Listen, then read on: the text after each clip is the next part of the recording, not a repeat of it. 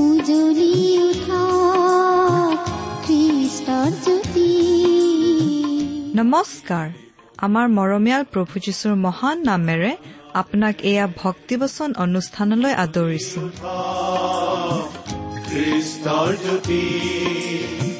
আকাশ বতাহ মুখৰিত কৰি গাঁও সবে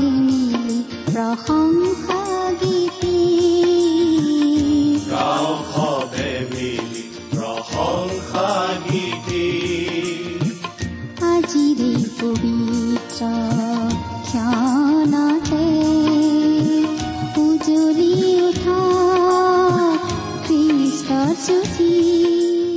ঈশ্বৰে আপোনাক যি অসীম প্ৰেম কৰিলে তাক যদি অনুভৱ কৰিব বিচাৰে আৰু তেওঁৰ অগম্য বাক্যৰ মৌ মিঠা সোৱাদ ল'ব বিচাৰে তেন্তে আহক আজিৰ ভক্তিবচন অনুষ্ঠানটো মনোযোগেৰে শুনো। এয়া আপোনালৈ আগবঢ়াইছো। ঈশ্বৰৰ জীৱন্ত বাক্যৰ অনুষ্ঠান ভক্তিবচন।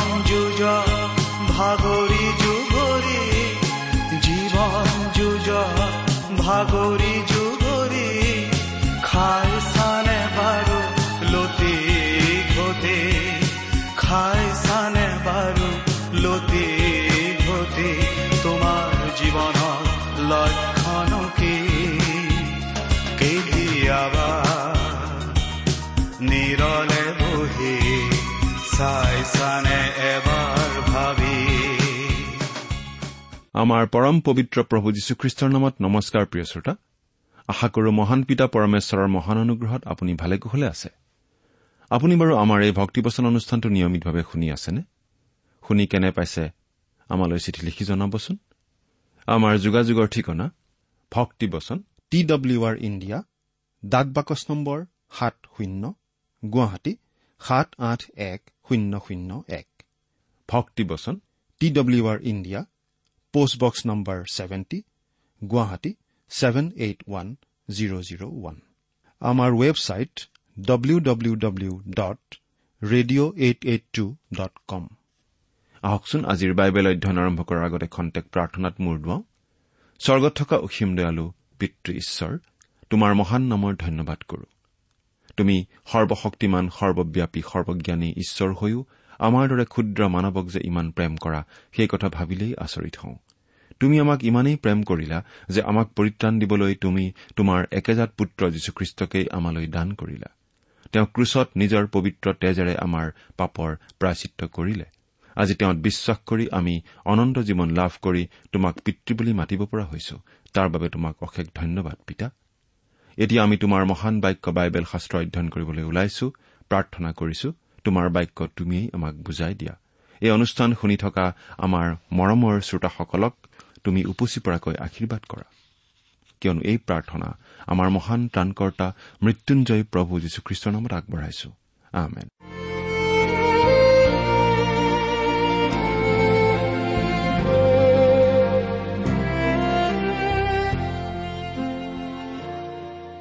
প্ৰিয় শ্ৰোতা আমি আজি ভালেমান দিন ধৰি বাইবেলৰ নতুন নিয়ম খণ্ডৰ ইব্ৰীবিলাকৰ প্ৰতি পত্ৰ নামৰ পুস্তকখন অধ্যয়ন কৰি আছো। নহয়নে বাৰু? যোৱা অনুষ্ঠানত আমি এই ইব্ৰী পত্ৰখনৰ ন নম্বৰ অধ্যায়ৰ এঘাৰ নম্বৰ পদলৈকে আমাৰ আলোচনা আগবঢ়াই নিলো। গতিকে আজি আমি ন নম্বৰ অধ্যায়ৰ বাৰ নম্বৰ পদৰ পৰা আলোচনা আগবঢ়াব খুজিছো। আপুনি আপোনাৰ বাইবেলখন মেলি লৈছে নিশ্চয়। আমি পাঠ কৰি দিম ন নম্বৰ অধ্যায়ৰ বাৰ নম্বৰ পদ। ইব্ৰী ন নম্বৰ অধ্যায়ৰ বাৰ নম্বৰ পদ। ইয়াত এনেদৰে লিখা আছে ছাগৰ আৰু দামুৰিৰ তেজৰ গুণে নহয় কিন্তু তেওঁৰ নিজৰ তেজৰ গুণে একেবাৰতে পবিত্ৰ স্থানত সোমাই অনন্তকাল স্থায়ী মুক্তি উপাৰ্জন কৰিলে। এই পদটোৰ পৰা আমি এটা কথা ক'ব পাৰো যে আমাৰ প্ৰভু যীশুখ্ৰীষ্টই স্বৰ্গলৈ তেওঁৰ নিজৰ তেজ লৈ গৈছিল। তেওঁ কোনো জীৱ জন্তুৰ তেজ লৈ যোৱা নাছিল। পুৰণি নিয়মৰ দিনত মহাপুৰোহিতে বলিৰ তেজ লৈহে অতি পবিত্ৰ স্থানত প্ৰৱেশ কৰিব পাৰিছিল। খ্ৰীষ্টইও মহাপুৰোহিত হিচাপে প্ৰকৃত পবিত্ৰ স্থান অৰ্থাৎ স্বৰ্গত প্ৰৱেশ কৰিলে। কিন্তু তেওঁ কোনো জীৱ জন্তুৰ তেজ লগত লৈ স্বৰ্গত প্ৰৱেশ কৰা নাই। তেওঁ নিজৰ তেজ লৈহে স্বৰ্গত প্ৰৱেশ কৰিলে। যি তেজ তেওঁ ক্ৰুচত বোৱাইছিল। কাৰণ তেওঁ নিজেই আমাৰ হকে ক্ৰুচত বলি হৈছিল। আৰু তেওঁতকৈ উত্তম বলি আৰু আন একো হ'ব নোৱাৰে। তেওঁ বলি তেওঁ মহাপুৰোহিত তেওঁই আমাৰ ত্ৰাণকৰ্তা। একেবাৰতে পবিত্ৰ স্থানত সোমাই অনন্তকাল স্থায়ী মুক্তি উপাৰ্জন কৰিলে। এৰা প্ৰভু যীশুখ্ৰীষ্টই একেবাৰতে পবিত্ৰ স্থানত সোমাল। তেওঁ আৰু বাৰে বাৰে সোমাব নালাগে। তেওঁ যি কৰিলে তাত কোনো খুট নাই। তেওঁৰ সেই কাৰ্য স্থায়ী কাৰ্য। একেবাৰতেই তেওঁ আমালৈ মুক্তি অৰ্জন কৰিলে। সেই মুক্তি অনন্তকাল স্থায়ী মুক্তি। এদিনীয়া নহয় বা এবছৰৰ বাবে নহয় চিৰদিনৰ বাবে। কিন্তু ইছৰাইলৰ পুৰোহিতসকলে নিয়মিতভাৱে তেওঁলোকৰ পুৰোহিতালী কৰি থাকিব লাগিছিল। বাৰে বাৰে তেওঁলোকে পবিত্ৰ স্থানত সোমাব লাগিছিল। তেওঁলোকে যি কৰিছিল সেয়া স্থায়ী কাৰ্য নাছিল। কিন্তু খ্ৰীষ্টই একেবাৰতে সমগ্ৰ মানৱ জাতিৰ বাবে স্থায়ী মুক্তি সম্পাদন কৰিলে। খ্ৰীষ্টই ক্ৰুচত নিজকে বলি দিয়া কাৰ্যটোৰ গুৰুত্ব আৰু প্ৰয়োজনীয়তা আমি ইয়াত বুজি পাওঁ। প্ৰভু যীশুখ্ৰীষ্টৰ জীৱনে আমাক উদ্ধাৰ নকৰে। প্ৰিয় শ্ৰোতা আপুনি প্ৰভু যীশুখ্ৰীষ্টৰ বাণীবোৰ মানি চলিবলৈ চেষ্টা কৰিব পাৰে। কিন্তু তেওঁৰ বাণীবোৰ মানি চলি আপুনি মুক্তি লাভ নকৰে। কিন্তু তেওঁৰ ক্ৰুচীয় মৃত্যুৱেহে আমাক পৰিত্ৰাণ দিয়ে। তেওঁ ক্ৰুচত নিজৰ তেজ বোৱাই আমাৰ পাপৰ প্ৰায়চিত্ৰ কৰি আমালৈ মুক্তি অৰ্জন কৰাৰ বাবেহে আজি আমি তেওঁক ত্ৰাণকৰ্তা বুলি গ্ৰহণ কৰি পৰিত্ৰাণ লাভ কৰিব পাৰো। এতিয়া পাঠ কৰি দিম তেৰ নম্বৰ পদ। কিয়নো ছাগৰ আৰু ভতৰাৰ তেজে আৰু অসুচীবিলাকক শান্তি কৰা চেউৰীৰ ভস্মই যদি তেওঁবিলাকৰ মাংসৰ সুচিতাৰ অৰ্থে পবিত্ৰ কৰে চেউৰীৰ ভস্ম। ইয়াত গণনা পুস্তক ঊনৈশ নম্বৰ অধ্যায়ত উল্লেখ কৰা বিধিৰ কথা কোৱা হৈছে। ৰাঙলী চেউৰীগৰাকীক সম্পূৰ্ণৰূপে ভস্ম কৰি ভস্মখিনি এটা পৰিষ্কাৰ স্থানত ৰখা হৈছিল।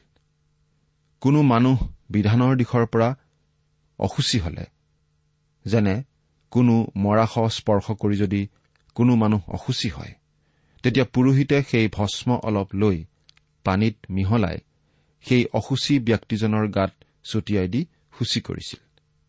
ইয়াত মাইকী গৰুৰ কথাহে কোৱা হৈছে। মাইকী গৰু এইকাৰণেই লোৱা হৈছিল কাৰণ মাইকীগৰাকী শাৰীৰিকভাৱে দুৰ্বল। খ্ৰীষ্টও আমাৰ দৰে জন্মিল আৰু আমাৰ সকলো দুৰ্বলতাৰ অভিজ্ঞতা তেওঁ ললে। তদুপৰি ৰঙা ৰঙৰ চেউৰীৰ কথা কোৱা হৈছে। ৰঙা ৰঙে পাপক বুজায় কাৰণ যিচয়া এক নম্বৰ অধ্যায়ৰ ওঠৰ নম্বৰ পদত আমি এনেদৰে পাওঁ তোমালোকৰ পাপবোৰ সিন্দুৰ বৰণীয়া হলেও হিমৰ দৰে বগা কৰা হ'ব।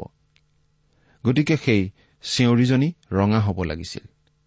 অৰ্থাৎ প্ৰভু যীশু আমাৰ বাবে পাপীৰ স্থান ললে তেওঁ আমাৰ পাপ তেওঁৰ গাত ললে সেই কথাটো আমি ইয়াত বুজি পাওঁ। আকৌ সেই ৰঙা চেউৰীজনী হ'ব লাগিছিল নিঘুনি কোনো খুট নথকা কাৰণ কোনো খুট নথকা চেউৰীয়েহে নিষ্পাপ যীচুক বুজাব পাৰে। ৰঙা চেউৰীজনী কেতিয়াও জুৱলি নলগোৱা হ'ব লাগিছিল। তাৰ দ্বাৰা এইটোৱেই বুজোৱা হৈছিল যে যদিও খ্ৰীষ্টই আমাৰ সকলো পাপ নিজৰ গাত লৈছিল তেওঁ কিন্তু পাপৰ বন্ধনৰ পৰা মুক্ত। তেওঁ কেতিয়াও পাপৰ অধীন নাছিল। সেই চেউৰীৰ তেজ মহাপুৰোহিতে তম্বুৰ আগত সাতবাৰ ছটিয়াই দিব লাগিছিল। বাইবেলত সাত সংখ্যাটোৱে সম্পূৰ্ণতাক বুজায়। ইয়াত এই কথা প্ৰকাশ পায় যে খ্ৰীষ্টই যি আত্মবলিদান দিলে তেওঁৰ সেই কাৰ্য সম্পূৰ্ণ কাৰ্য। আমাৰ মুক্তিৰ বাবে কৰিবলগীয়া আৰু একো বাকী নাই। খ্ৰীষ্টই নিজকে এবাৰেই ক্ৰুচত দিলে। কিন্তু একেবাৰতে তেওঁ আমাৰ মুক্তিৰ বাবে কৰিবলগীয়া সকলোখিনি সম্পূৰ্ণ কৰিলে। সেই চেউৰীৰ ভস্ম এক পৰিষ্কাৰ ঠাইত ৰখা হৈছিল আৰু পানীত মিহলাই ছটিওৱা হৈছিল। অসুচী লোকক সূচী কৰিবলৈ। আমি ভাবো পানীয়ে ইয়াত ঈশ্বৰৰ বাক্যক বুজাইছে। ঈশ্বৰৰ বাক্যই আমাৰ জীৱনৰ পাপবোৰ আমাক দেখুৱাই দিয়ে আৰু আমাক ধুই পৰিষ্কাৰ কৰে। খ্ৰীষ্টই নিজকে বলি হিচাপে আগবঢ়ালে আৰু আজি আমি তেওঁক বিশ্বাস কৰি মুক্তি লাভ কৰো। পুৰণি নিয়মৰ দিনতো আচলতে খ্ৰীষ্টৰ এই বলিদান কাৰ্যৰ যোগেদিয়েই মানুহে মুক্তি পাইছিল। কাৰণ তেওঁলোকে যি বলি দিছিল সেই বলি আচলতে ভৱিষ্যতে খ্ৰীষ্টই ক্ৰুচত হ'বলগীয়া বলিৰ ছাঁস্বৰূপ আছিল। অব্ৰাহামে যেতিয়া বলি আগবঢ়াইছিল সেই বলিয়ে আচলতে খ্ৰীষ্টলৈকেই আঙুলিয়াইছিল। আৰু সেই বিশ্বাসৰ বলতেই অব্ৰাহামে পৰিত্ৰাণ পাইছিল। এতিয়া চৈধ্য নম্বৰ পদটো পাঠ কৰি দিম। তেন্তে যিজনাই অনন্ত আত্মাৰে নিষ্কলংক বলিস্বৰূপে নিজকেই ঈশ্বৰৰ উদ্দেশ্যে উৎসৰ্গ কৰিলে। সেই খ্ৰীষ্টৰ তেজে জীৱনময় ঈশ্বৰৰ আৰাধনাৰ অৰ্থে তোমালোকৰ বিবেকক মৃত কৰ্মৰ পৰা কিমান অধিক গুণে সূচী কৰিব? যদি জীৱ জন্তুৰ তেজে অসুচিতা আঁতৰ কৰিব পাৰিলেহেঁতেন তেনেহলে খ্ৰীষ্টৰ তেজে নিশ্চয় পাপৰ দাগ ধুই নিব পাৰে। বিবেক সূচী কৰিব পাৰে। যদিহে জন্তুৰ তেজেই সকলোখিনি কৰিব পাৰে তেনেহলে খ্ৰীষ্টৰ নিজৰ তেজ বোৱাবলৈ আহিব লগা তেওঁ নহলহেঁতেন।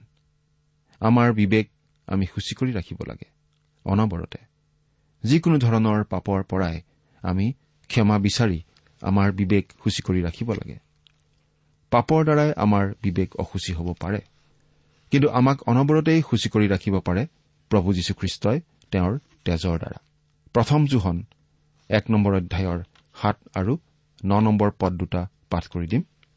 কিন্তু তেওঁ যেনেকৈ পোহৰত আছে তেনেকৈ আমিও যদি পোহৰতে ফুৰো তেন্তে পৰস্পৰ আমাৰ সহভাগিতা আছে। আৰু তেওঁৰ পুত্ৰ যীশুৰ তেজে সকলো পাপৰ পৰা আমাক সূচী কৰে। কিন্তু আমি নিজ নিজ পাপবোৰ স্বীকাৰ কৰিলে বিশ্বাসী আৰু ধাৰ্মিক যি তেওঁ তেওঁ আমাৰ পাপবোৰ ক্ষমা কৰে আৰু সকলো অধৰ্মৰ পৰা আমাক সূচী কৰে। খ্ৰীষ্টৰ তেজে আমাৰ বিবেক সূচী কৰে। অৰ্থাৎ আমাৰ বিবেকে আমাক আৰু দোষী নকৰে। আমি সাহসেৰে ঈশ্বৰৰ আগলৈ আহিব পৰা হওঁ। আমি ঈশ্বৰৰ সহভাগিতা উপভোগ কৰিব পৰা হওঁ। পোন্ধৰ নম্বৰ পদ। আৰু এইকাৰণেই তেওঁ নতুন নিয়মৰ মধ্যস্থ হৈছে। যেন সেই প্ৰথম নিয়ম লংঘন কৰাত হোৱা অপৰাধবোৰৰ মুক্তিৰ অৰ্থে মৃত্যু ঘটিলত আমন্ত্ৰিতবিলাকে অনন্তকাল স্থায়ী উত্তৰাধিকাৰ বিষয়ক প্ৰতিজ্ঞাৰ ফল পাব পাৰে। খ্ৰীষ্ট নতুন নিয়মৰ মধ্যস্থতাকাৰী। পুৰণি নিয়মৰ দিনৰ সাধুসকলে পুৰণি নিয়মৰ অধীনতেই মুক্তি লাভ কৰিছিল কাৰণ তেওঁলোকে আচলতে ঈশ্বৰৰ আগলৈ বলি আনোতে আহিবলগীয়া খ্ৰীষ্টৰ আগমনলৈহে বাট চাইছিল। তেওঁলোকে কিমান বুজি পাইছিল আমি নাজানো কিন্তু প্ৰভু যীশুৱে হলে এই বুলি কৈছিল। জোহন আঠ নম্বৰ অধ্যায়ৰ ছাপন্ন নম্বৰ পদত আমি এই বুলি পঢ়িবলৈ পাওঁ। পাঠ কৰি দিছো। তোমালোকৰ ওপৰ পুৰুষ অব্ৰাহামে মোৰ দিন দেখিবলৈ উল্লাসিত হৈছিল আৰু তাকে দেখি আনন্দ কৰিলে। এই কথাটো কিন্তু আমি আদি পুস্তকত নাপাওঁ। প্ৰভু যীশুৱে কোৱা কাৰণেহে আমি জানিব পাৰিলো যে অব্ৰাহামে প্ৰভু যীশুৰ দিন দেখি আনন্দ কৰিছিল। আমি ভাবো আন আন বহুতো সাধুৱে প্ৰভু যীশুখ্ৰীষ্টৰ আগমনলৈ বাট চাইছিল। আন কথাত কবলৈ গ'লে জন্তুৰ তেজে তেওঁলোকৰ পাপ ধুই নিব পৰা নাছিল। তেওঁলোকে বলিবোৰ আনিছিল বিশ্বাসেৰে। ভৱিষ্যতে যে প্ৰকৃত বলি আহিব সেই কথা তেওঁলোকে বিশ্বাস কৰিছিল। খ্ৰীষ্টই তেওঁৰ ক্ৰুচীয় মৃত্যুৰ দ্বাৰা সেই সকলো লোকৰো পাপৰ প্ৰাচিত্য কৰিছিল। ৰুমিয়া তিনি নম্বৰ অধ্যায়ৰ পঁচিছ নম্বৰ পদত আমি এই বুলি পঢ়িব পাওঁ ঈশ্বৰে তেওঁৰ ধৈৰ্য গুণত পূৰ্বে কৰা নানা পাপৰ দণ্ড নিদিয়াকৈ থকাৰ কাৰণে নিজ ধাৰ্মিকতা দেখুৱাবলৈ আৰু যিহতে যীশুত বিশ্বাস কৰাজনক ধাৰ্মিক বুলি গণিত কৰিব পাৰে। এতিয়া ইব্ৰী ন নম্বৰ অধ্যায়ৰ ষোল্ল আৰু সোতৰ নম্বৰ পদ দুটা পঢ়ি দিছো। কিয়নো য'ত নিয়ম পত্ৰ হয় তাত নিয়ম কৰাজনৰ মৃত্যুৰ প্ৰমাণ পোৱা আৱশ্যক। কাৰণ মৃত্যু ঘটিলেহে নিয়ম পত্ৰ থিৰ হয়। এতেকে নিয়ম কৰাজন জীয়াই থাকে মানে সেয়ে জানো সাৰ্থক হ'ব পাৰে। ইয়াৰ নিয়ম শব্দটো আমি ইচ্ছাপত্ৰ বা উইল বুলি ক'লে ভালদৰে বুজি পাম।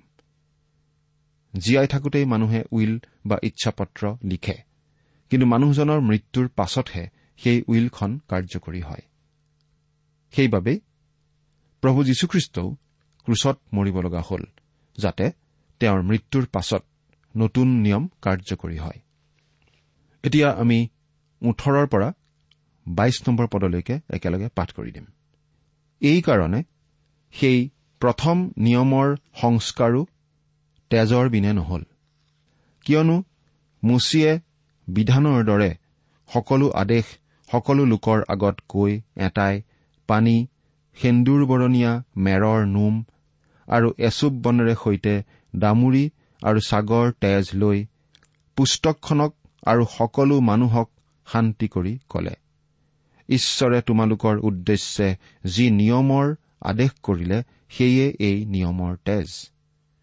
তাত বাজে তম্বু আৰু সেৱা কাৰ্যৰ আটাই পাত্ৰ সেইদৰে তেজেৰে শান্তি কৰিলে। আৰু বিধানৰ মতে প্ৰায় সকলোকেই তেজেৰে সূচী কৰা হয় আৰু তেজ উলিওৱা নহলে পাপমোচন নহয়। এই অংশটোত তেজ শব্দটো ছয়বাৰ উল্লেখ কৰা হৈছে। পুৰণি নিয়মৰ নীতি নিয়মৰ দিনত তেজ কিমান গুৰুত্বপূৰ্ণ আছিল আমি ইয়াতেই অনুমান কৰিব পাৰো। তেজ উলিওৱা নহলে পাপমোচন নহয়।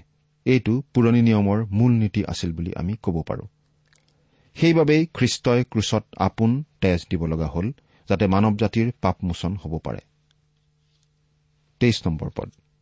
এতেকে স্বৰ্গত থকা বিষয়ৰ যি নকল সেয়ে এইবোৰ উপায়েৰে সূচী কৰা হোৱা আৱশ্যক। কিন্তু আচল যি স্বৰ্গীয় সেয়ে ইয়াতকৈ শ্ৰেষ্ঠ বলিদানৰ দ্বাৰাই সূচী কৰা হোৱা আৱশ্যক। এই স্বৰ্গীয় বস্তুবোৰ সূচী কৰাৰ প্ৰয়োজন হৈছিল। কিয় বাৰু? কাৰণ পাপৰ আৰম্ভণি হৈছিল আচলতে স্বৰ্গতেই। কাৰণ প্ৰথম বিৰোধিতা হৈছিল স্বৰ্গতেই ছয়তান আৰু তেওঁৰ লগৰীয়া দূতবিলাকৰ দ্বাৰা। স্বৰ্গত কেতিয়াও দমৰা বা ছাগলী বলি দিয়া হোৱা নাছিল। তেনে এটা কাম কৰা হলে নিশ্চয় নিম্ন সাপৰ কাম যেন হলহেঁতেন। কিন্তু আমি বিশ্বাস কৰো যে এতিয়া স্বৰ্গত যীশুৰ তেজ আছে। যীশুৰ তেজ কেতিয়াও নিম্ন খাপৰ হ'ব নোৱাৰে। এতিয়া পাঠ কৰি দিছো চৌব্বিছ নম্বৰ পদ। কিয়নো প্ৰকৃতৰ প্ৰতিৰূপ মাত্ৰ যি হাতে কৰা পবিত্ৰ স্থান তাত খ্ৰীষ্ট নোসোমাল। কিন্তু সম্প্ৰতি আমাৰ নিমিত্তে ঈশ্বৰৰ সাক্ষাতে উপস্থিত হবলৈ স্বৰ্গতেই সোমাল। এই পৃথিৱীত থকা তম্বুটো আছিল এটা ছাঁ মাত্ৰ এটা অনুকৰণ মাত্ৰ। প্ৰকৃত উপাসনা স্থান প্ৰকৃত তম্বুটো আছে স্বৰ্গতহে। কিন্তু সম্প্ৰতি আমাৰ নিমিত্তে ঈশ্বৰৰ সাক্ষাতে উপস্থিত হবলৈ স্বৰ্গতেই সোমাল। অৰ্থাৎ একেবাৰে পিতৃ ঈশ্বৰৰ সন্মুখলৈ যোৱা কথাটো বুজোৱা হৈছে। প্ৰভু যীশুখ্ৰীষ্টই মানুহে সজা কোনো তম্বুত সোমোৱা নাই। স্বৰ্গত থকা সেই তম্বুতহে প্ৰভু যীশু সোমাইছে। এইটো আম্মিক তম্বু কিন্তু বাস্তৱ তম্বু। প্ৰভু যীশু পৃথিৱীত ক্ৰুচত হত হল আমাক পৰিত্ৰাণ দিবলৈ। আৰু এতিয়া প্ৰভু যীশু স্বৰ্গত জীৱন্ত অৱস্থাত আছে আমাক পৰিত্ৰাণ পোৱা অৱস্থাতে ৰাখিবলৈ। তেওঁ আজি স্বৰ্গত আছে আমাৰ বাবে প্ৰতিজন খ্ৰীষ্টীয় বিশ্বাসীৰ বাবে। পঁচিছ নম্বৰ পদ। কিন্তু মহাপুৰোহিতে যেনেকৈ পৰৰ তেজ লৈ বছৰে বছৰে পবিত্ৰ স্থানত সোমায়। তেনেকৈ তেওঁ বাৰে বাৰে নিজকে উৎসৰ্গ কৰিবলৈ যে সোমাল এনে নহয়। পুৰণি নিয়মৰ দিনত মহাপুৰোহিতে যেতিয়া নিয়ম তম্বুত প্ৰৱেশ কৰিছিল তেতিয়া বলি দিয়া জন্তুৰ তেজ লগত লৈহে সোমাইছিল। নিজৰ তেজ লৈ সোমোৱা নাছিল। আৰু মহাপুৰোহিতে বাৰে বাৰে তেনেদৰে সোমাই থাকিব লগা হৈছিল। কিন্তু প্ৰভু যীশুৱে তেনেদৰে বাৰে বাৰে সোমাব লগা নহল। বাৰে বাৰে তেওঁ নিজকে বলি দিব লগাও নহয়। তেওঁ এবাৰেই নিজক বলি দিলে ক্ৰুচৰ ওপৰত আৰু সেই তেজ লৈ তেওঁ এবাৰেই আমাৰ বাবে স্বৰ্গত সোমাল আৰু চিৰদিনৰ বাবে আমাৰ হকে নিবেদন কৰিবলৈ তাতেই তেওঁ আছে। পদ। সেয়ে হোৱা হলে জগত স্থাপনৰে পৰা তেওঁ অনেকবাৰ দুখ ভোগ কৰিব লাগিলহেঁতেন। কিন্তু এতিয়া তেওঁ আত্মবলীৰ দ্বাৰাই পাপ নাশৰ অৰ্থে যুগবোৰৰ শেষত এবাৰ মাথোন প্ৰকাশিত হল। এতিয়া তেওঁ আত্মবলীৰ দ্বাৰাই পাপ নাশৰ অৰ্থে। তেজ উলিওৱা নহলে পাপ মোচন নহয়। সেইবাবেই প্ৰভু যীশুখ্ৰীষ্টই আমাৰ পাপ মোচনৰ বাবে ক্ৰুচত নিজৰ তেজ দিলে। ক্ৰুচত তেওঁ নিজে বলি হল। অৰ্থাৎ প্ৰভু যীশুখ্ৰীষ্ট আহিছিল বিধানৰ অধীন হিচাপে। বিধানে তেজ বিচাৰে পাপমোচনৰ বাবে। সেই বিধান তেওঁ পালন কৰিলেহি। তেওঁ বিধান পালন কৰিলে আৰু সকলো বিধান তেওঁতেই সিদ্ধ হল। তেওঁ এই জগতলৈ আহিছিল বিধানৰ যুগৰ শেষৰ পিনে। তেওঁ বিধানৰ যুগৰ সমাপ্তি ঘটালে আৰু এটা নতুন যুগৰ সূচনা কৰিলে। সেই নতুন যুগটো হ'ল অনুগ্ৰহৰ যুগ।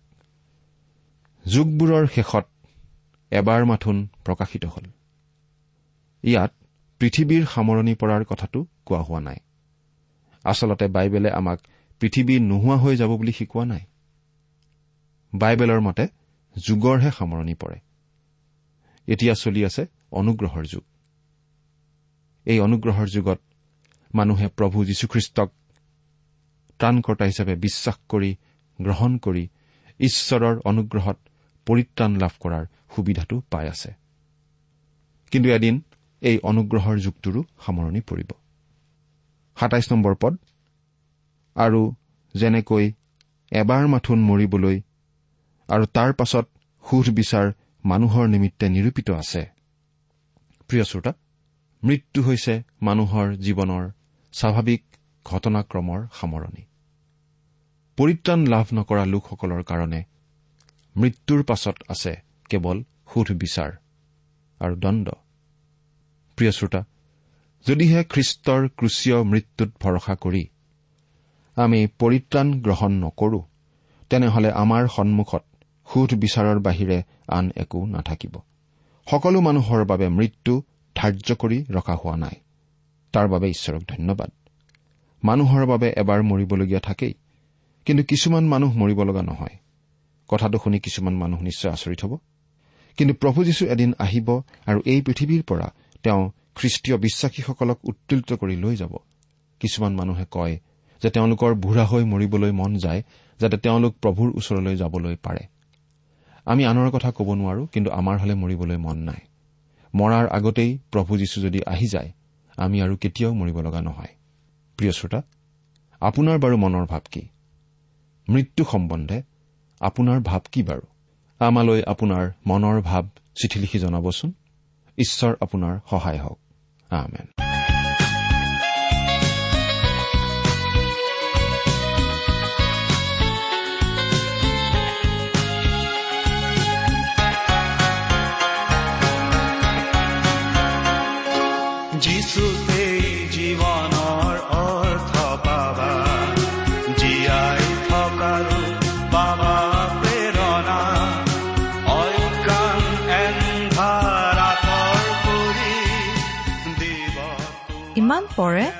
আপুনি ভক্তিবচন অনুষ্ঠানটি শুনিলে। অনুষ্ঠানটি শুনি কেনে পালে? আমালৈ চিঠি লিখি জনাবচোন। অনুষ্ঠানত প্ৰচাৰ কৰা কোনো কথা বুজিব লগা থাকিলেও আমালৈ লিখক। আমাৰ ঠিকনা ভক্তিবচন টি ডাব্লিউ আৰ ইণ্ডিয়া ডাক পাকচ নম্বৰ সাত শূন্য গুৱাহাটী সাত আঠ এক শূন্য শূন্য এক। ঠিকনাটো আৰু এবাৰ কৈছো ভক্তিবচন টি ডাব্লিউ আৰ ইণ্ডিয়া ডাক পাকচ নম্বৰ সাত শূন্য গুৱাহাটী সাত আঠ এক শূন্য শূন্য এক। আপুনি ইমেইল যোগেৰেও আমাৰ সৈতে যোগাযোগ কৰিব পাৰে। আমাৰ ইমেইল আইডিটো হৈছে Assamese T TV at radio' eight eight two dot com. আইডিটো আকৌ এবাৰ কৈছো। Assamese T TV at radio' eight eight two dot com. আপুনি টেলিফোনৰ মাধ্যমেৰেও আমাক যোগাযোগ কৰিব পাৰে। আমাৰ টেলিফোন নম্বৰটো হৈছে শূন্য তিনি ছয় এক দুই ছয় শূন্য চাৰি ছয় সাত এক। ফোন নম্বৰটো আকৌ এবাৰ কৈছো zero' three six one two six zero' four six seven one. আজিৰ অনুষ্ঠানটি ইমানতে সামৰিছো। ঈশ্বৰৰ শান্তি আৰু অনুগ্ৰহ আপোনাৰ লগত থাকক। ধন্যবাদ।